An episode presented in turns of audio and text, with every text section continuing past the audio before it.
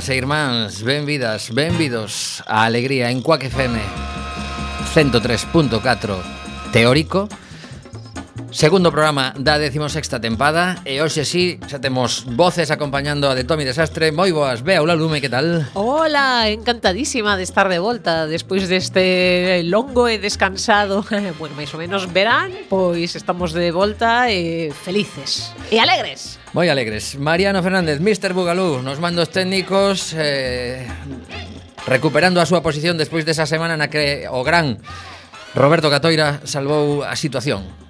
Moi boas. O, bueno, regulares, es que boas. eh, eu non estou tan alegre. Sí, certo que que Mariano ten aí unha cousa desas da saúde que que ata que non chega non se sabe como se sinte. Con, eh. Contalle a audiencia que que iso dos vértigos. Pura pura psicodelia, a ver tixe. Mira, antes escoitando a a cadena Ser, eh, xa que non temos a posibilidade de conectar o 103.4 cando vimos para aquí, pois estaba no 93.4, por iso de saltar 10. E resulta que falaban eh, do mm, digamos da hipocresía internacional, que agora que despartizaron un tipo coñecido sí Os de Arabia Saudí son, ui, o mellor son malísimos, os de, son o mellor os de Arabia Saudí están facendo cousas que non se pode, non? Era era un pouco Como cachondeo. Como se antes non se soubera. Claro, claro, por iso. Entón xa cheira de carallo, pero bueno, mm. eh polo visto apareceu no xardín eh, o corpo descuartizado no ah, xardín, apareceu. no xardín do, do cónsul de de Arabia Saudí ali en, en Turquía que o siguen negando que, que non que non se afanou demasiado en, en agochar foi o coronel co candelabro na biblioteca enterrou no xardín eh, mercar o Cluedo estaba según entraba. Total, que dentro do cachondeo posterior que hai as tuiterías, pois eh, houve unha que me fixo gracia que era, "Doctor, doctor, eh cando estornudo teño moitos orgasmos." Está tomando algo, e dice, sí, sí, pimienta. bueno, total, que recuperamos a seriedade por un segundo. Hoxe mm, temos un programa moi interesante a partir das 10 da noite Alegría tamén, quédate connosco. Temos dúas entrevistas moi chulas, pero os compañeiros de Sin Etiquetas van traer ao comité de empresa de Alcoa, que sabedes que teñen un follón bastante considerable. Estivemos o pasado domingo pola o sábado pola mañán facendo a cobertura da, da manifestación que congregou aproximadamente unhas 8.000 persoas e a verdade é que teño uns cantos audios que, que se me dá tempo aínda os comparto aos compañeiros para que eh, podan utilizarlos ao longo do programa. Do que se falou pois unha vez que chegamos á, á delegación do goberno e os, os berros máis máis continuos eran os de enerxía e solución, porque evidentemente pois eh, como dixo o representante do comité de empresa, non é xa unha cousa que afecte ás grandes empresas consumidoras, senón que a todos nós pois eh, observamos os recibos como non paran de subir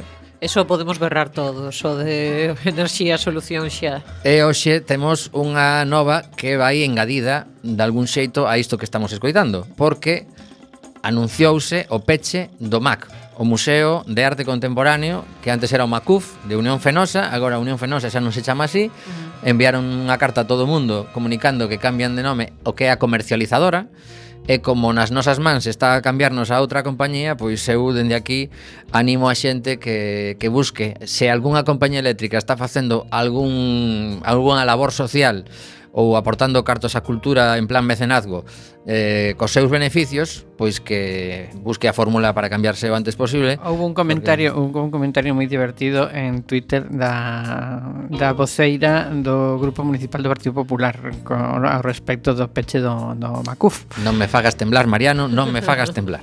Que era, dende que gobierna Xulio Ferreiro só pasan cousas malas. Cágate lorito.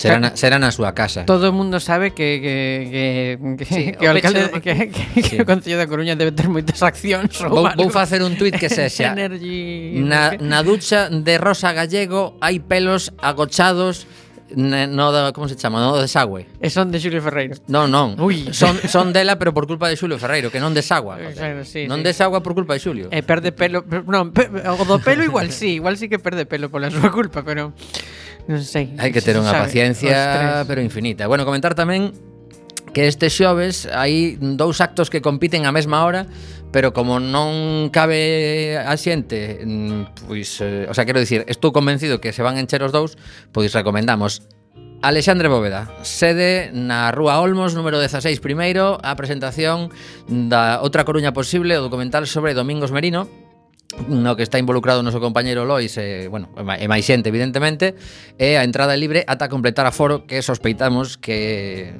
mm, que sí, que se vai a agotar. E falaremos a, a continuación, pois eh, despois da entrevista con el Canca, sí, hoxe temos a el Canca porque vai a visitar Vigo e Compostela esta fin de semana, e xa fai tempo que non falamos en alegría con el. Xa toca. Xa toca, exacto. E, pois eh, na segunda parte do programa falaremos con Jorge Liñeira, que nos vai falar dun libro moi interesante que sacou hai uns meses e agora ten a presentación na Fundación Luis Eane acompañado de dun elenco pois que vai facer tamén ese acto seguramente interesantísimo. Pero antes de, de facer esa entrevista con el canque de, eh, de meternos eh, de cheo no programa, O pasado martes, unha das cousas das que quería falar era desa zona pois semi descoñecida de España na que estiveche desde de vacacións porque ao final isto tratase de aprender. Atraquei un pouco a Roberto Cateira sobre a súa viaxe por Italia eh, gustaríame que, que falemos polo menos 4 ou 5 minutos de ese descubrimento seguramente que, que foi para vos tamén o maestrazgo ou esa, esa zona que está comprendida, se si non me equivoco, entre tres provincias, non? Mais ou menos. Bueno, máis dúas, entre dúas, Teruel e Castellón. Entre, sí. Pero sí, logo, logo falamos. No, non, agora, no, agora. agora. Ah, agora. É, é o momento, ah, é o ah, momento. Este é o momento. vale, vale. Sí, sí. Pois é unha zona que lle chaman o maestrazgo porque antiguamente estaba baixo a xurisdicción do gran mestre templario. Por iso lle chaman Caramba. maestrazgo. Estaban, sí, os, os templarios estaban ali como era como sede principal ou, ou había moitas non, repartidas. Era era unha das unha das diversas. Ah, pero foi a que se quedou co nome así como máis. Eh, bueno, neste caso sí que sí que quedou sí que quedou co, co nome, a ver, a pegada templaria na península ibérica, pois bueno, ten ten distintos focos, eu que sei, dende a zona do Maestrazgo, Morella, por exemplo, uh -huh. ou ou máis perto daqui Ponferrada, ou en Extremadura, que sei, eh, Xerez dos Cabaleiros. E a xente que lle soa a chino iso dos templarios? unha definición no, breve? Supoño que non, unha orde. Sí, hai, hai xente, hai xente un, que si. Unha orde religioso militar, unha orde monástica religioso militar. Séculos aproximados? Pois penso que uf, estou falando moi eh, de memoria, sí. pero penso que eh, foron os papas un, un dos papas de Aviñón, o, o primeiro papa de Aviñón o que o, o segundo, o que o que decidiu exterminar a orde aló polo século 13. Caramba. Mm, ou 12, 12 ou era, era como o exército do Vaticano, unha cousa así, máis ou menos. Sí, era unha especie de exército cristián, sí, sí, de monxes, monxes guerreiros, os Shaolins do, do os Shaolins do Vaticano. Mírate. eh, o que pasa é que eh, a bisbarra do maestrazgo é interesante por tamén históricamente por motivos por causas máis recentes, como as guerras carlistas, é un un foco moi importante das guerras carlistas, eh, de ali é natural o bueno, ou ali se desenvolveu a súa carreira militar o general Cabrera que é un dos, un dos líderes históricos do, do carlismo é un dos que un, do, un dos que librou a Segunda Guerra Carlista, non? O sea, despois do abrazo de, de Vergara, aquilo de, que puña fin a Primeira Guerra Carlista, pois que o señor Cabrera pois non se conformou coa paz, eh, decidiu seguir eh, seguiu ata ata ata a restauración, bueno, sí, ata, ata o período de alternancia liberal conservador con Cánovas, non? O sea, uh -huh. que firmou aí un digamos que firmou a paz co, co Estado español, el está este quedou exiliado en, en Gran Bretaña, pero se lle recoñeceu o seu título nobiliario sobre Morella e, e o grao militar. Pero bueno, ademais de estar no maestrado, que, bueno, maestrazgo, que bueno, que sí que é unha zona interesante e tal, estivemos en dúas bisbarras conexas, digamos que hai unha especie de gran maestrazgo, non? Que Ajá. engloba o maestrazgo en sí e a, a súa bisbarra que limita con norte, que é a Matarraña, eh, con povos tan interesantes como Valderrobres, e uh, os co sur, coa, a parte sur de, de Teruel, que sería a Serra de as Serras de Jabalambre e Gudar. Caramba Que, Eso non se estudia no cole. Que, sí, bueno, estudianse como depende, sistema ibérico. Depende, claro, depende pero do profe. Era, sistema ibérico era sí, todo. De, vale, vale, vale. Pero claro, o sistema ibérico se, se divide en, en zonas, esta é un, unha das partes do sistema ibérico, uh -huh. logo hai unha chaira enorme, un vale no que está situado Teruel, e despois xa está a Serra de Albarracín, que é a seguinte, Ajá. o seguinte macizo montañoso. Bueno, xente moi simpática, moi amable, eh, un patrimonio histórico moi interesante, eh, e cultural moi interesante, é un xamón que pa qué. Acabo de subir a, ao Facebook de Alegría, lembrade que o podedes encontrar en Alegría coa FM. Acabo de subir unha foto ao lonxe de Morella, da que estábamos falando agora mesmo, e, e que vos dá unha idea máis ou menos de como son os povos por aló, que teñen un pouco pinta como de pastéis, Ajá. quero dicir, están como nun outeiro, e normalmente na parte de arriba hai, hai un castelo ou ah. unha igrexa ou as dúas cousas. Eh, e moitos deles, moitos dos povos nos que estivemos, pois son destes considerados uno de los pueblos máis bonitos de España. E a verdade é que están moi moi cuidadiños. Bueno, eh, son plazas son fortes. moi agradables. Pero son plazas fortes dentro do seu contexto histórico da, da, da Baixa Idade Media, non? Eh, bueno, sí, a baixidade media, hai que ter en conta que eh, o reino de Valencia era un reino taifa, e, por tanto musulmán, e eh, o temple, pois claro, estaba aquí como uh -huh. tiña cidades cidades fortes rodeando esa zona. Por outro lado tamén estaba o reino de Zaragoza que que tamén era un un taifa, o, estivo o Cid Campeador por ali, non? Ah, sí, sí, sí, supón. Claro, primeiro servizo dun destes reis. Claro, o curioso é como como como se, se vai desvirtuando co tempo a historia, non? Uh -huh. Que aquelo de mm, nin todos os cristiáns eran tan amigos, nin todos os musulmáns eran tan amigos, nin se levaban tan mal os cristiáns os musulmáns. Quer decir, porque había alianzas temporais para Había lío, lío. Sí, sí, sí. Bueno, Un pouco pues... como agora, eh, o sea, pero pero con religións distintas. Falando ah. de lío, o, o Canca ten unha axenda tremenda, así que temos que casi casi escoitar uns segundiños e chamalo xa, porque senón se nos escapa a seguinte entrevista, polo que me dixeron. Así que, Mariano, imos a escoitalo un segundiños cantando volar con Rosalén, mentras o localizas, a ver se xa está disponible, porque tiña outra entrevista agora mesmo, e mellor aínda está enganchado a esa. Eh, en canto podamos, el Canca en antena. Volar, lo que se dice volar. Volar, volar, volar. No vuelo. Volar, lo que se dice volar. Volar, volar, volar.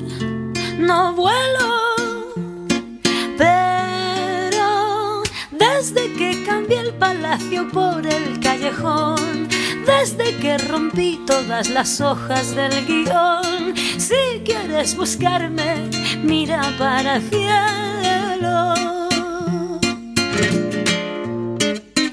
Pero desde que me dejé el bolso en la estación y le pegué fuego a la tele del salón, te prometo hermano que mis suelas no tocan el suelo.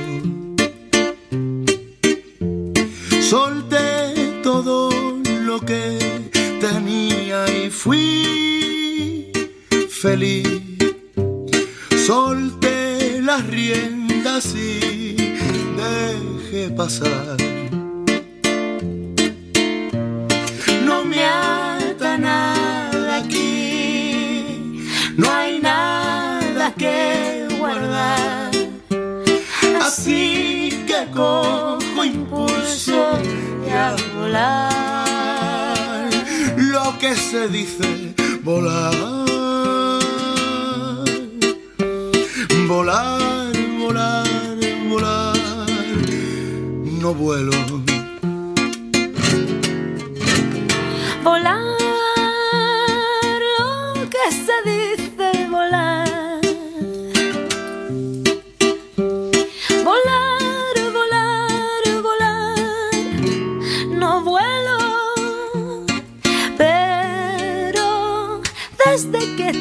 las llaves ya no quiero entrar. Desde que quemé las naves y aprendí a nadar. Si quieres buscarme, mira para el cielo. Pero desde que olvidé el teléfono en un bar, desde que no tengo nada parecido a un plan, te prometo, hermana, que mis suelas no tocan el suelo. Solté todo lo que tenía y fui feliz. Solté las riendas y dejé pasar. No me ata nada aquí, no hay nada que guardar. Así que cojo impulso y a volar. Volar, volar, lo que se dice volar,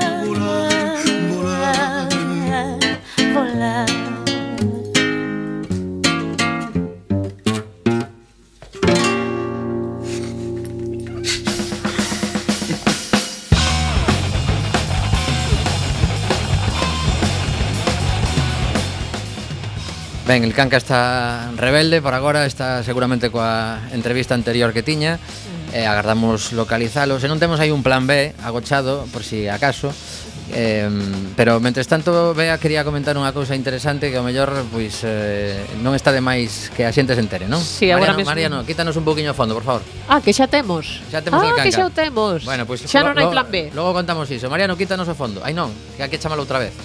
Bueno, pois conta, conta que... Vou contando moi rapidiño. Entereime hoxe mesmo, pero na última hora, dun timo eh, no que che piden sacar eh, un selfie co carné de identidade. Eh, ofrecenche cousas e tal, fanse pasar por PayPal ou quen sexa, aí, aí xiten incluso pide o carné de identidade e a tarxeta de crédito, e realmente son pois ciberdelincuentes que o que fan é quedar cos nosos datos persoais para utilizarlos non de boa maneira. Así que tende sempre moito cuidado cos, est, con estes datos tan sensibles. Mm, en la línea telefónica Mr. Juan Gómez El Canca. ¿Qué tal, rapaz? Hola, muy buena, ¿qué Hola. tío? ¿Cómo estás? ¿Cómo estás? Bien, bien. Bien, bien, con las pilas cargadas para este fin de semana. Sí, la, la pila está ya a punto de agotarse este año, ¿sabes? Ya, pero, ya, ya. pero me queda todavía el último coletacito. Venga, una pregunta. Desde, desde algún momento de tu carrera se te ha dado por hacer un histórico de conciertos? ¿Sabes aproximadamente cuántos llevas, eh, aunque sea desde un momento concreto o no? Ni idea. Bueno, que va, tío, no, no tengo ni idea. Yo sé que llevo un par de años, estos dos últimos años que es cuando más he hecho, que vienen entre 70 y 80 al año, más o menos. Vale. Por ahí- por ahí andan. Si multiplicamos Y- hasta, hasta que empezaste, pues vamos, que te has Sí, yo- kilómetros. Eh, en la familia de Willy Fogg, por ejemplo, Sí, yo creo que me admitirían. yo o supongo que sí, ¿no? Incluso. electo. Hombre, por supuesto. ¿Tú veía- ¿Veías Willy Fogg? Sí, me encantaba, gran fan. Bueno, bueno, pues nada, es que como, como de vez en cuando aparecen en tus canciones eh, alguna referencia a esos dibujos de la infancia, pues eh, Sí. se me ocurrió que posiblemente sabrías algo y te Yo creo, acordarás. que, yo creo que ese me, me habrá calado a mí profundamente y por eso pues me he dedicado a dar la vuelta al mundo, pero por España solo y Latinoamérica un poquito, pero 50 kilómetros habré dado la vuelta al mundo varias veces. ¿no? Bueno, mientras no te calara de los Apeninos a los Andes, todo va bien. Oye, que, que habrá que ir a Italia también. Eh, esa- esos- esas estrellas de los años 60 y 70 que se nos metían aquí, que venían de Francia y de Italia, ¿qué pasa con los nuestros que no salimos por ahí, por Europa? Es verdad, no, no se lleva eso ya, ¿verdad? Tanto lo de... Bueno, ahí sí, ahí hay algunas bandas que lo hacen. Yo, bueno, yo he estado en, en Londres y en Dublín ya, Es verdad. ¿Qué y te- en? Bélgica también. Pero- Pero te, te iba a visitar chavalada local o solo españoles llorando? No, no, españoles llorando. Vale. muy, muy, apena- muy apenados. Gallegos con morrilla, eh, andaluces embrutecidos y, de- y demás para una patria. Ya. ¿Y, y qué te decían? Canca, quédate, canca, quédate. claro. No, no, es, es muy guay, ¿eh? son, son unos conceptos muy emotivos porque al final, joder, la gente echa de menos su tierra, como no puede ser de otra manera. Eh, están allí, pues, por, la mayoría pues, por trabajo, por lo que sea, ¿no? Y uno siempre, las raíces yo creo que siempre las extrañará un poco, aunque sea, ¿no? Entonces se genera como una cosa muy bonita, ¿no? Está todo ello lleno de españoles, pues bueno, son canciones en su idioma, digamos, materno, ¿no? Y hay gente realmente como emocionada, ¿no? Ya, y, Entonces es, bo- es bonito, es muy, muy bonito el, el ambiente que se hace. y ahí te encuentras con, con gente que quizás vaya por, por el hecho que actúa un español allí, que se saben menos canciones que en otros sitios, o, o también, o también son tan fans a lo bestia como te puede pasar en Latinoamérica, que por lo que contáis eso es una cosa exagerada. No, bueno, yo me imagino que habrá gente gente que va porque porque hay un español. Me imagino que incluso algún guiri despistado se, se- bueno guiri, guiri allí soy yo. Pero bueno, me- lo- ya, me, ent- ya me entendéis. Eh, algu- algunos algunos se colaría también, pero el, el bruto, el 80% es gente con lo de derecho, cantando las canciones y todo eso, como como en Latinoamérica, como aquí. vamos. Bueno, eh, este, este año te ha, te ha pasado una de esas cosas que suceden a veces, que eh, te plantas un día en un programa de televisión así medio de rebote y a partir de ahí te, te para la gente por la calle, supongo que mucho más. ¿Eso es cierto o no? Mm, Mira, en, realidad no tanto, tío. Menos mal, Yo- menos mal, ¿no? sí, Dices tú, sí. menos mal. No, o sea, yo, yo, creo- yo lo que lo, de- lo de OT, que ha sido una cosa de la que se ha hablado muchísimo, ¿no? A mí me la han, creo que me la han preguntado prácticamente en cada entrevista, pues una referencia a Maya o a OT o algo, siempre sale y es normal, pero yo creo que es más por, por lo extraño que es que un tío como yo, un artista alternativo como yo, aparezca de repente en Operación Triunfo. Creo que es muy chocante y tal, y entonces se le ha dado mucho bombo, pero sí- que lo he notado, ¿eh? o sea, no mentiría si dijera que no he notado un poco la repercusión y tal, pero no ha sido para nada un antes y un después, o sea, a mí me paraban antes un poquito por la calle, no, es que yo no pueda andar, tú, ya lo sabes, yo he caminado contigo por Coruña eh, no es que no pueda andar, pero sí que un goteíto, pues alguien que viene a hacerse una fotito y tal, eh, suele ocurrir. Y más o menos lo mismo ahora que, que antes, ¿eh? no te creas tú que ya ha cambiado muchísimo. Vamos a investigar un poquillo, aunque sea brevemente, eh, sobre tu infancia, joven. Adiós. ¿Te gustaba ir al cole? Eh, no, en nada en absoluto. En absoluto. ¿Y, y- y eras, eras de lo que en el recreo estabas eh, integrado en el equipo de fútbol o, o buscabas otras actividades? Pues fíjate, mm, yo es que he odiado siempre el fútbol.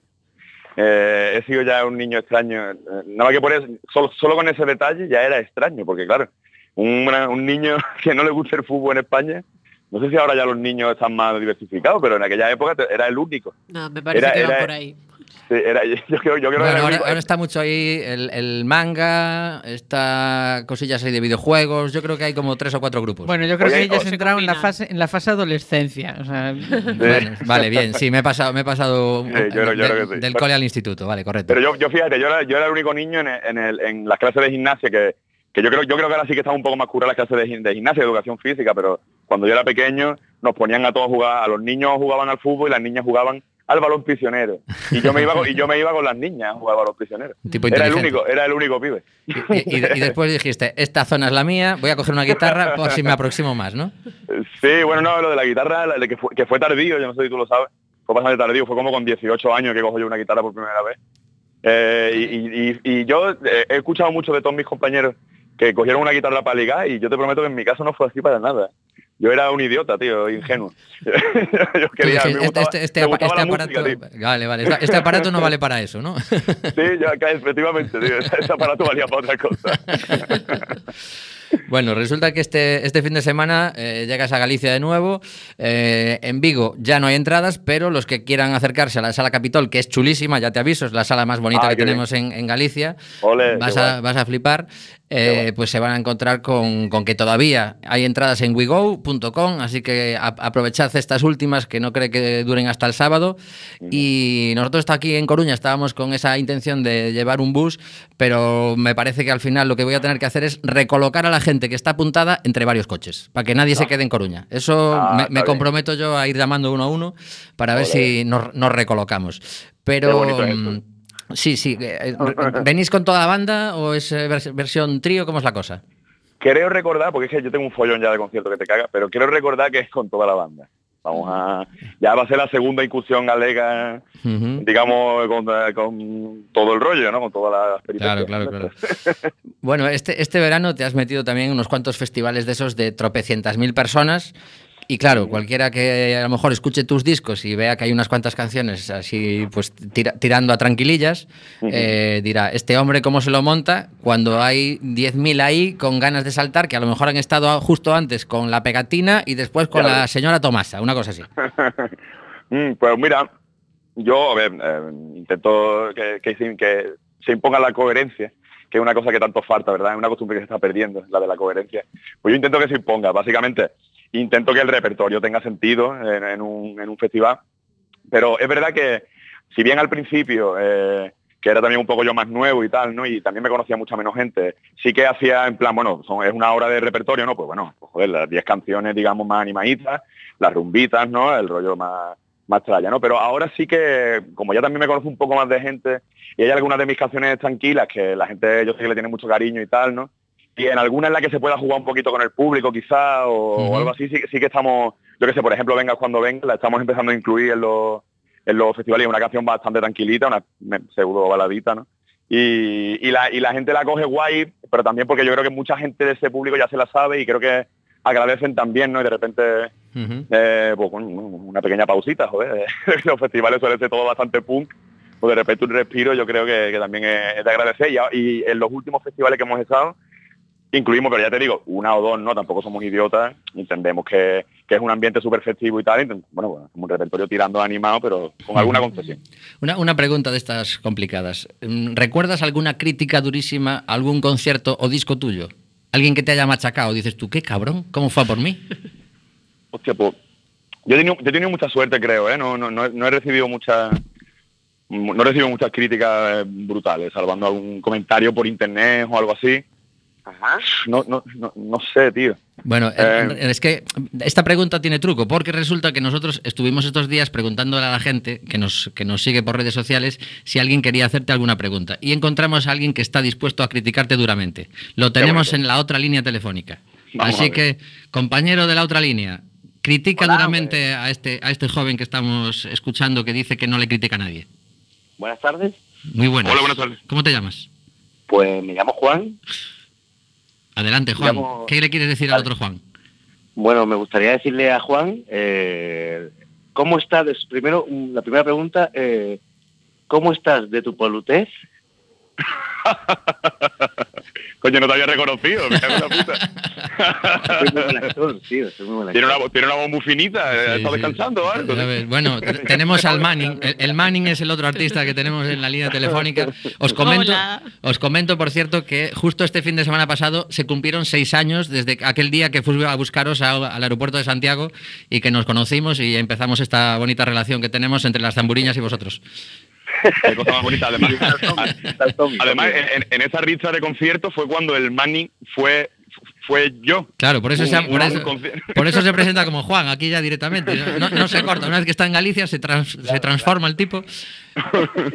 Bueno, de- de- resulta que vosotros sois una de esas bandas que, que, si no me equivoco, estáis eh, viviendo ahora mismo cada uno en una ciudad. Por lo menos los, los tres eh, mosqueteros estáis Sí. dispersos, ¿no? Eso, eso cómo, se, co- cómo se coordina, vaya Cristo. Pues con pasta por delante. claro, con muchos aves, Claro. muchos, muchos aves, eh, y, un y poquito de follón por parte de la, de la- del equipo de producción, la verdad. Pero bueno, yo qué sé, al final pues, cada uno tendrá que vivir. A ver, de- no, no es lo más cómodo del mundo, eso, eso No, señor. está clarísimo, ¿no? Eso es clarísimo. Bueno, su- supongo que, que el hecho de que haya llegado hasta aquí este momento en el que cada vez que, que llegáis a, a una ciudad nueva, pues lo más habitual es que os encontréis con el sold out, esto de todas las entradas agotadas. Eso, la parte personal de, de compartir, mm, pues eso, muchos autobuses al principio y que sigáis juntos y que después haya añadido Alvarito, al que le mandamos un súper abrazo, pues eh, hace que se, que se forme una, una piña indisoluble. Sí, hombre, por supuesto. yo, eh, mi, mi maninito, yo qué sé, como mi marido, ¿sabes? Yo ya Que, son- que, son que un ya con el rabillo del ojo y yo ya sé que, que me estoy yendo de. ¿sabes? es verdad, eso ocurre. No te, no te emociones, no te emociones, que nos vamos Tommy, o todos. sea, yo, yo sé que Tommy, que es muy futbolero, sabe, era como cuando Hierro y Alcorta, que decía que lo miraba con el reojillo y ya sabía por dónde entrar. claro, sí. Pues el símil futbolístico, que Sacanca lo detesta. Yo sí, yo no, no me entero. Pero eh, hay una cosa muy bonita, joder, porque al final nosotros, eh, el Mani lleva tanto tiempo en el proyecto que, pues, que se ha comido prácticamente los mismos mojones que me he comido yo, que son bastante y variadísimos. Muy. Eh, claro, porque Alvarito ya entró cuando empezaba la cosa ahí un poquito mejor, pero, verdad, el Alvarito pero el Mani, el Mani, eh, de verdad, nosotros hemos dormido en un colchón de 90 en el suelo en agosto en Murcia. Joder. Nosotros hemos dormido en, en un sofá, hemos dormido en una casa donde no conocíamos a nadie, hemos dormido tres Hemos personas en un dormido en la coche, playa. no hemos Una- dormido. Una Eh, en claro. Almería en la playa. o sea, hemos habéis dormido. pasado la guerra juntos. Sí, señor. Y, y también, paralelamente, hemos, hemos, hemos ido a ciudades donde han venido 10 personas, donde hemos ganado 60 euros para los dos, eh, que no lo hemos gastado pues, en el autobús, en la comida y en tal, ¿no? Y hemos, y hemos vi- visto cómo la cosa ha ido creciendo. Y yo, vamos, yo qué sé, yo me imagino que Manny lo, lo compartirá conmigo, ¿no? Lo, bonito que es ver una sala de mil personas llenas cu- con, con, con el trabajo que nos ha costado, habiéndolo vivido desde abajo y sabiendo lo que lo que eso cuesta para un artista alternativo que no suena en la radio y que y que bueno y que se ha tenido que currar piedra a piedra. Entonces, ese, yo creo que esa satisfacción la compartimos los dos y eso es muy bonito, joder. Absolutamente. O sea, yo veo que, que eso es cierto, pero que luego él, él además se ha pegado. eh, el, el resto que faltaba se lo ha pegado él. ¿Sabes? Es verdad. El resto que faltaba se lo ha comido él con, con papas, por así decirlo. Y yo qué sé, tío, pues imagínate. Pues sí, la verdad es que, bueno, los que os seguimos desde esa, Es esa, etapa de, justo además coincidió que, que llegasteis aquí en el 2012, recién editado el famoso Lo mal que estoy, lo poco que me quejo, eh, se empezaron a vender aquellas copias en, en- en los conciertos gallegos y, y la verdad es que nos alegramos muchísimo y al mismo tiempo reconocemos que nos fastidia un poco que cada vez os vemos un poco más lejos en los conciertos. Pero eso, No. sí, eh, eso, eso Bien, es, bien, es-. Bien. claro, claro. A, mí, a mí lo que me hace gracia es que, es que Juan sigue diciendo, para un, para un, un cantante alternativo como yo, y un día ya recuerdo que pus- pongo la radio y digo, a ver qué dice Francino, y estaba este ahí. O sea, ahora que nosotros lo, lo- lo invi- lo invitamos para sentirnos nosotros así importantes, y él sigue diciendo, no, yo, yo soy un cantante alternativo y tal. Ahora nos anunciamos como el programa que tiene el mismo invitado que Francino. Le voy a cambiar el nombre al programa, lo voy a llamar así. Sí, sí, por, por- por cierto. ¿eh? Una, una pregunta que el, el otro día, perdona Manning, el otro día me, me- me manda alguien una foto por WhatsApp y dice, coño, que están imitando a- al Canca en no sé qué programa. Eh, ¿Para eso hay que pedir permiso? ¿Te tienen que pedir permiso de imagen o algo o no? Eh, la, la verdad que no lo sé. O sea, a mí, a mí, ¿sabes qué pasa? Que a mí me, me en realidad a mí me invitaron a ir al programa Ajá. eh, como para hacer una movida que hacen ellos como de espejo, que yo, que yo cantara como a la vez que él, o cantara yo un cacho y el otro. Lo que pasa es que no podía, porque con la fecha que tengo, pues ahí es difícil ya pillar un hueco.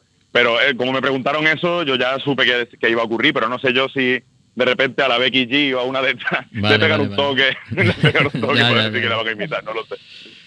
Bueno, pues... Ya, a ti- eh, a ti no te pregunta nadie, es un pringao. a mí me toma por el pito de sereno, Tommy. Claro, porque- claro que sí. A mí me habían dicho que te tenía que decir tres preguntas.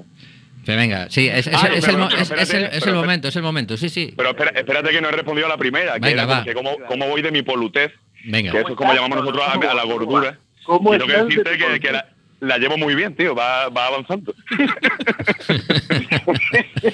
va avanzando, cada vez estoy más poluto, tío, más más poluto. Pro- progresa adecuadamente. Progreso adecuadamente. Qué mentiroso, no es verdad, no es cierto. No ¿eh? es cierto. No, pero este fin de semana ya recupera lo que haya perdido Va a recuperar, sí. No, sí, sí, la lo, gallego ya sé que no perdonáis. tío.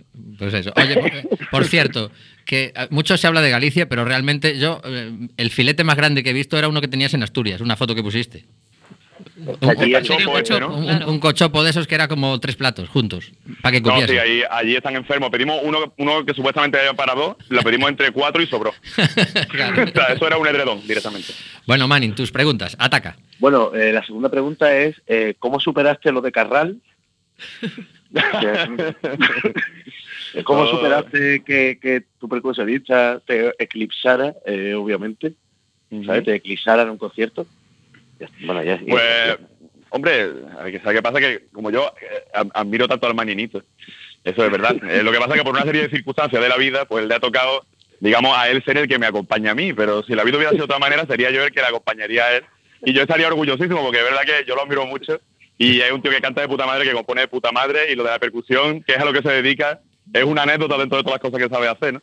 Entonces, para yo lo llevé con, con- con orgullo y cariño, como no puede ser de otra manera. Y con licor café, que ayuda. Eso también, eso Algo, también me algo cayó, ¿eh? No, no me acuerdo bien, pero vamos, algo Sí, cayó. sí, una- algo no bebimos, creo. Sí, sí. Y bueno, y la, y la tercera, eh, la tercera no es una pregunta, es como una especie de reto, A ver. así, a ver si él puede, si no, oye, sin, sin compromiso ninguno, ¿eh? que a ver si te puede hacer una décima en directo. Uh, pero improvisar. O bueno, si lo puedes improvisar, una que te, una que te mole mucho o algo así, para reivindicar un poco las décimas, tío. Hay que reivindicar la décima. Venga, voy a, voy a buscar si tengo una por ahí, que yo creo que es posible. Bueno, pero Y la- te esto venga, venga. tipo Alexis Díaz Pimienta, yo creo que tú eres capaz, porque yo te conozco, Canca, y tú eres tú eres el puto amo. tío. Manning, mientras tanto, bus- mientras busco a este hombre, ¿cómo, cómo va tu disco? Bueno, os comento Buena ya, pregunta, que, buena ya que pregunta. me, ya que me dais un poco de, de plataformilla, Hombre, claro. pues mira, precisamente está escuchando hoy ya primeras mezclas que me ha mandado Carlos Manzanares desde Barcelona. Estoy muy contento con ellas, pero aún así le he dicho que me cambie cosas. Vale. buscaste la palabra para decirle, mira, no me mola esto, buscaste, yo creo que le vamos a dar un giro y va a quedar mejor. Pero y bueno, bueno, y, ¿Y para, para, cuándo calculas entonces? Que lo Pues tendrás. mira, yo, creo, yo creo que va a estar para diciembre. Para diciembre va a estar ya, se, se va a enviar a, a todas las personas que participaron en crowdfunding.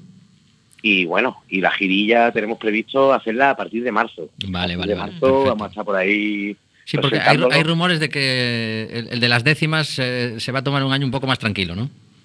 Eh, parece ser que sí, pero por el amor de Dios y la Virgen completamente pura. merecido, completamente merecido y, con- y consensuado por todo el mundo. Vale, Sí, vale. señor. Justo, justo y necesario, ¿no? Justo y necesario. sí. Pues a ver si se os ve por aquí. dejar de vernos un tiempo. A ver si se os ve por aquí y que no sea para No, no, trabajar. aquí ¿eh? nos venís con el bikini. Eso sí, nos venís eso con el sí, bikini, por. Dios, que aparte estamos alargando los veranos. El, el fin de semana pasado estuvimos a 24 grados con un solazo espectacular, pero os tengo que dar la mala noticia de que el que viene, el que vais a estar aquí, nos va a llover un poquito menos que en Málaga, pero, nos va a llover, nos va a llover. bastante. ¿eh? Bastante. Así que la Eso con un- capucha... eso con un cardito gallego se cura, tío. Por Lloverá por fuera, pero por dentro. oh. Eh, ¿Estamos, estamos ya en temporada de grelo o qué? Sí, sí, sí, sí. Ahora el, el caldo aquí es, es permanente casi. Pues ya O sea que no, no os preocupéis. Allí- buscamos un caldito para el sábado o domingo. Bueno, te- cuidado que va a haber unas temperaturas un poco bajitas, ¿eh? Que lo sí, esta sí, mañana. sí, sí, va a bajar la cosa. Vale. Pero bueno, no- Abrígate, Manny, que tú eres el típico que se te olvida la chaquetilla, como, como el fin de semana pasado. Sí, sí, y, y el ave para volver allá, no, bueno, si hace falta, os, os llevamos. El Manning es especialista en olvidarse algo. Eso es una, Sí, es- es esa una, es el una classic llamada que me hace Tommy, necesito no sé qué. Me a Vladivostok con un triquini. ¿sabes? Yo soy el que me fui a Vladivostok con un triquini. Bueno, ¿tenemos décima no tenemos décima? Que tenemos Sí, otra entrevista. Venga, va. Mira, ya, ya que hay confianza, pues, os voy a leer dos, ¿vale? Vale, Eh, pero venga. una, porque yo estoy, yo estoy en un grupo, en un grupo de WhatsApp con un montón de poetas y de músicos y tal, y, y jugamos un poco, ¿no? Con las palabras. Entonces, uno de ellos, eh, gran escritor, se llama Tito Muñoz, lanzó la siguiente. Me lo voy a leer una de él y mi respuesta, que creo que es bonito.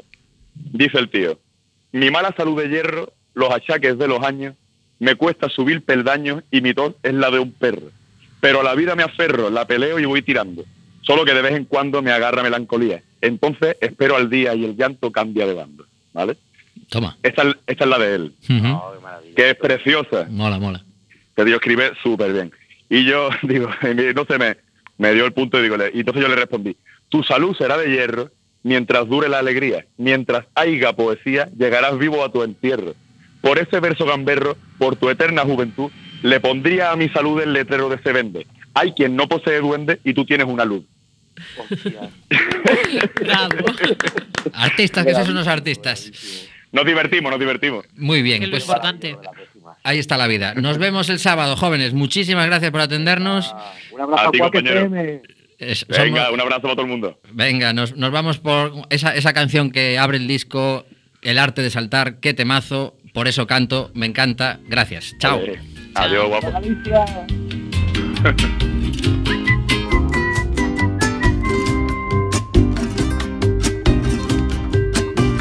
Para que el canto deje en bragas al silencio, para que en el campo llueva pan, aceite y ajo, para arrojar a la codicia mar adentro y a los ilustres codiciosos monte abajo, para que el tiempo no se compre con dinero que solo se toren las cornas del hambre. Para que el puedo pueda más si quiere el quiero. Para que la chispa del amor nos dé calambre. Para que la verdad sea la moneda. Ay, y para que los besos curen el llanto. Pa' que las canciones sean las banderas. Ahí, para eso canto, para eso canto.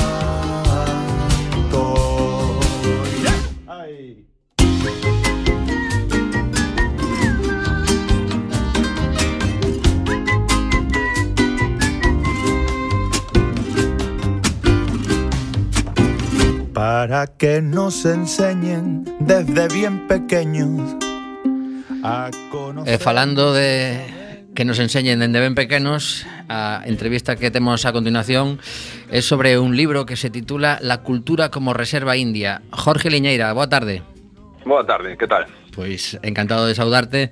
Jorge, bueno, pois eh, xestor cultural, eh, escritor neste caso, que ten unha presentación este xoves eh, ás 20 horas na Fundación Luis Eoane, que xa sabedes que está ali a carón do Hospital La Vente Lago, e estará acompañado ademais por, por unhas persoas que comentaremos despois para, para lembrar a, a presentación ao final da, da charla. La cultura como reserva india, de onde sae este título? Bueno, o título sempre algo eh, o título sempre algo complicado, non? Creo eu, na obra ou sí, sí, sí. un disco, unha canción. Entón, bueno, eh, dándolle a volta este libro, o sérmolo do libro vendo o meu traballo fin de máster que fixen na Universidade de Valencia eh, un máster que fixen, un TFM que fixen, non como outros casos de sobra coñecidos. Uh -huh. O sea, ti das fe de que hai, hai que facer un TCM e hai que presentarlo diante de un tribunal, eh, é unha cousa seria. Sí, sí, Eso, eso é cando o faz ben, non? Claro, vale. outros casos xa. bueno, eh, o sármolo foi ese, cando decidín pas, dar o paso ao libro non o tiña moi claro. Sí que me gustaba un que era a cultura como trinchera, pero xa estaba collido, porque sí que me parecía que a trinchera tamén pode definir moi ben o que é a, a non política cultural galega. Eh, foi nunha conversa, bueno, o libro, un dos puntos fortes é eh, que crea un relato polifónico con máis de 30 persoas entrevistadas de, difer de diferentes partes do ecosistema cultural galego, eh, con Camilo Franco, periodista, crítico cultural, recordo que nun momento da entrevista el falábame da cultura como reserva india. Ajá. Eh, bueno, dicenlle se me permitía coller eh, esa expresión para o título, e así foi, e eh, bueno, foi así, a verdad, pareceme do máis complicado poñerte un título, pero es, así foi a historia. Pois despois de la cultura como reserva india continúa e eh, nos comenta eh, na, prota, na portada que son 36 anos de políticas culturais en Galicia que iso resumilo nun só libro debeu de ser unha tarefa titánica, non? Bueno, eh, obviamente imposible resumir os 36 anos, non? O libro intenta ofrecer un mapa das políticas culturais galegas ou das non políticas culturais galegas. Iso é unha das conclusións ás que chega o traballo. E o libro, claro, vai dende a Fundación da Autonomía ata o momento presente, pero focalizando moito o período, un período previo, que sería o período transicional, que, que influe todo. E creo que mm, en clave para entender as políticas que se fan sobre a cultura, eh, para eso clave entender o período transicional. Pois eh, contanos por que é tan transcendental eses primeiros anos, se si non lembro mal, o Estatuto de Autonomía chega no 81, sí, eh, temos de, de 78 a 81 é o período este que estás a comentar. Sí, bueno, dende a morte de, de Paco, non? Ajá, de, vale, 75 entón, de, vale. Do, do habitante de Cuelgamuros, eu creo que aí se empeza, bueno, certos movimentos, bueno, Fraga é cando o momento que volve para o Estado Español, dende Londres, pero bueno, no libro sí que hai un concepto principal que é o de cultura da transición de Galicia, non? Que engloba tanto a transición como o fin dese cultura de transición galega marcamos no 2002, non? E vengan ser un pouco inicialmente, para ceñirnos máis a esta época temporal, que me, a este espacio temporal que ti me dis, o pacto, de, o pacto das élites, non? O pacto das élites entre as élites franquistas, podemos pensar a Antonio Rosón, Xavier Ibar na cabeza, co as élites culturais galegas apolíticas, con Ramón Piñeiro á cabeza. Ese de pacto de élites nace unha serie de institucións, como pode ser ese sepulcro branqueado que é o Consello da Cultura Galega, que son moi necesarios para entender a cultura a día de hoxe e dos anos anteriores. Uh -huh. Todo eso desenvolvo a raíz, sobre todo principalmente nese concepto de cultura da transición de, en Galicia. Vale, unha pregunta que me parece clave neste momento que ese, ese pacto Mm, de élites que nos comentas, houve unha serie de xuntanzas eh, con, con actas recoñecidas ou son movimentos así agochados? Bueno, hai varios actos, de algún se fala no libro, de mm, reunións concretas, non? Hai un artigo de Óscar Iglesias no país que el fala de algunha reunión de algunhas desas camarillas das élites culturais, non? Con xente xa do antigos heralcas franquistas, e sobre todo, pois, o vemos a través de datos, non? Máis que desas reunións, que é moi difícil enterarse, porque, bueno, obviamente son reunións secretas, un dos obxectivos é que non, non o coñezamos. Pero, bueno, como o Estatuto de Autonomía, do que coñecido como Estatuto de Aldrás, o Estatuto 16, modifican, entran certos aspectos no que ao final vai a votación, como a creación do Consello de Cultura Galega, que nun primeiro punto non estaba, e despois sí, e con todo o poder, e a cantidad de recursos económicos que se panesan dende esa institución, e, o caso de Domingos Merino na Coruña, non? Ahora, pensando así en algo máis relacionado con, con Coac FM que Mira, precisamente este, este xoves temos ao mesmo xusto, a mesma hora a presentación do documental que hai sobre Domingos Merino noutro, noutro espazo da, da Coruña. Vai haber xente nos dous atos, así que podes estar tranquilo pero, pero é curioso que coincidades no tempo. Ah, pois sí, non, non sabía este dato. Sí, ves? sí, pois están no, no Alexandre Bóveda presentando Pero, a, a documental. Ah, pero mira, eso como foi o transcurrir de, de Domingos Merino, que Marcos Pena, que estaba acompañándome na mesa, conta moi ben no seu libro sobre a transición nos medios de comunicación. Bueno, hai un consunto no libro de, de golpes de efectos continuados no tempo que confirman esta hipótese dun pacto de, do pacto entre as élites, non? E que ao final, bueno, Durante décadas ese pacto garantiu os límites do que se pode ou non dicir e pensar no espazo público. Sí, porque hai como unha sensación de que o Partido Popular, que evidentemente ten maioría absoluta, e iso, pois, eh, ao final fai que, que calquera que lle estosa, pois, ten seguramente un problema. Ainda falei con alguén, alguén que interven no libro, polo que estiven lendo, eh, creo que mm, sufriu recientemente as consecuencias de algún artigo que publicou tamén. Por lo tanto, tanto, isto é algo que se, que se pode comprobar no tempo que se criticas ao que están decidindo dende o Partido Popular mm, chamalle goberno galego pois eh, acabas eh, agochado ou apartado do que pode ser pois eh, a repercusión cultural semi, aínda que sexa, semipública, non? Sí, bueno, eso sucedeu sempre, sí, no libro danse varios exemplos, varios casos de persoa, un deles é Carlos Blanco, non? En relación pois, o seu posicionamento cando toda a catástrofe do Prestige, que nun capítulo que lle dedicamos o, a, que lle dedico a Burla Negra. E está claro que durante estes anos a xente do mundo da cultura aprendeu que na súa relación co poder podía criticar certas cousas e outras non, e que se quería sobrevivir nun sistema onde a administración pública, sobre todo, en especial a Xunta, é o actor predominante, podía ser, ten que aprender a ter esa relación crítica e dinámica ao mesmo tempo, porque ao final a xente ao final ten que comer tres veces ao día, polo menos, pagar unhas facturas, E eso tamén fala moi mal do desvertebrado que está o sector eh, que ser por, o ser tan dependente da, da administración pública. Uh -huh. Porque non sei se no, no libro tiveches oportunidade de, de buscar eh, modelos de financiamento a través de mecenazgos de, de fundacións ou de entidades eh, patrocinadores, etcétera, que están permitindo que haxa pois eh, outro tipo de cultura que, que se escapa do, do que parte do pai xunta e ese, ese problema que incluso citas tamén no libro que é a cidade da cultura que se leva moitísimos cartos, non? Sí, bueno, falo tamén da lei de mecenado esta cacareada que ao final non se iba adiante, non? Durante o goberno de, de M. Rajoy. Sí, o meu libro, bueno, ahora que falamos de micromecenado, o meu libro tamén é un libro que nace do micromecenado, non? É un é produto de, bueno, desa, a mí máis que micromecenado, o crowdfunding gustame de economía da fraternidade. Ajá. Eh, sí, que o libro tamén reivindica este tipo de cultura, non? Unha, unha de bases colectivas, con a capacidade de marcar, e de mercar unha certa autonomía respecto desas institucións públicas, non? E respecto do interese privado, moitas veces, porque, bueno, o patrocinio privado tamén hai que pensar, non? Cando se falaba desta lei de mecenado a nivel estatal, que ao final non saiu, e que moita xente dixo que foi unha maneira de un brindis ao sol tan habitual dende a dereita. Bueno, supoño que escoitaches ao novo ministro que nada máis chegar a ao seu cargo eh, dixo que un dos seus obxectivos era activar de novo esa lei de mecenazgo que lle parece fundamental.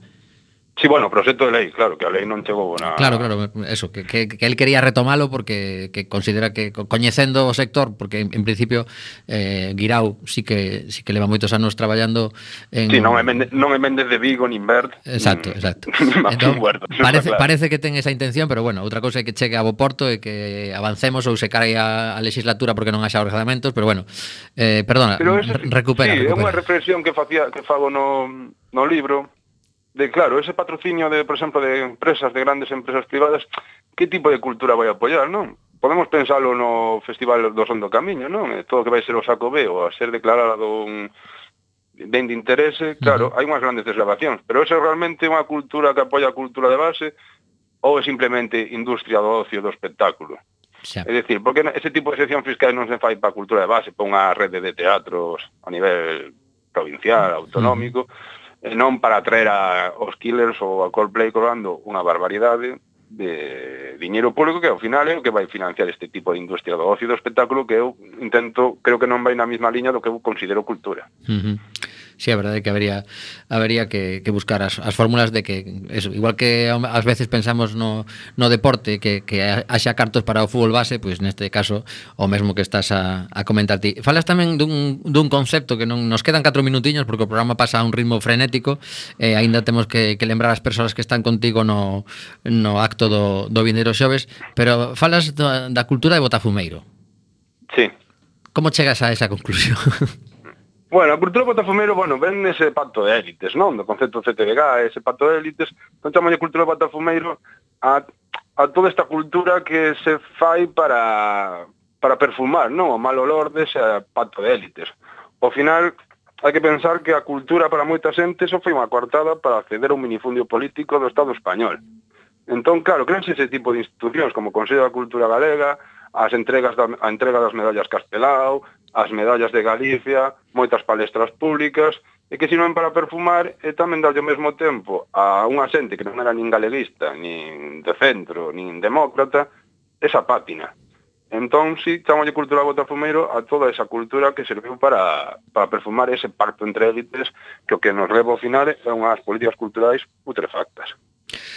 Caramba, pois con esta afirmación imos eh, simplemente despedir xa lembrando que Jorge Liñeira é autor do libro La cultura como reserva india e que no acto dos xoves na Fundación Luis Seoane, 8 da tarde, estará acompañado ni máis ni menos que por Natalia Balseiro, que é mediadora cultural, con Marcos Pérez Pena, que ben coñecemos nesta casa xornalista de Praza.gal, eh, Javier Martín, coreógrafo e bailarín, e ti, pois, eh, completando este este elenco de, de persoas que seguro que nos van a, a contar cousas ben interesantes. Non sei se xa falachedes entre vós de como repartir o que ides contar.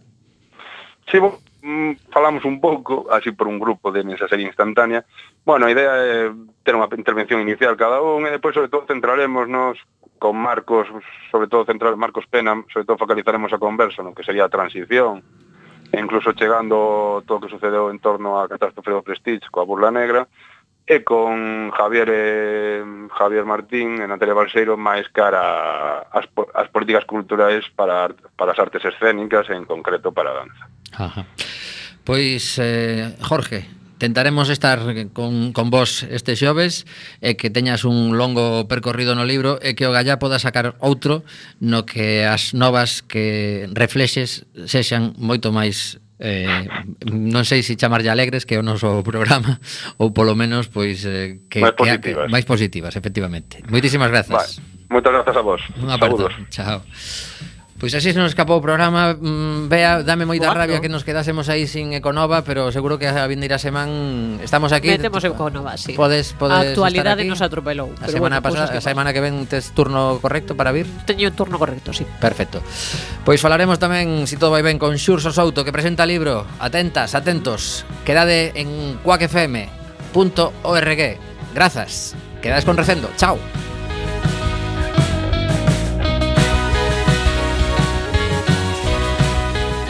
Por certo, esta, esta canción que soa Despedimos a Mariano que está parece que está mellor eh? Vexo lle máis centrado agora mesmo. Eh, Non. Vale. Pois despedimos a Mariano para que descanse. Si queredes ir correndo Agora mesmo Silvia Penide está eh, presentando novas cancións Na Biblioteca da Sagrada Familia. Esta canción é a que gañou o tema eh, Mellor canción en galego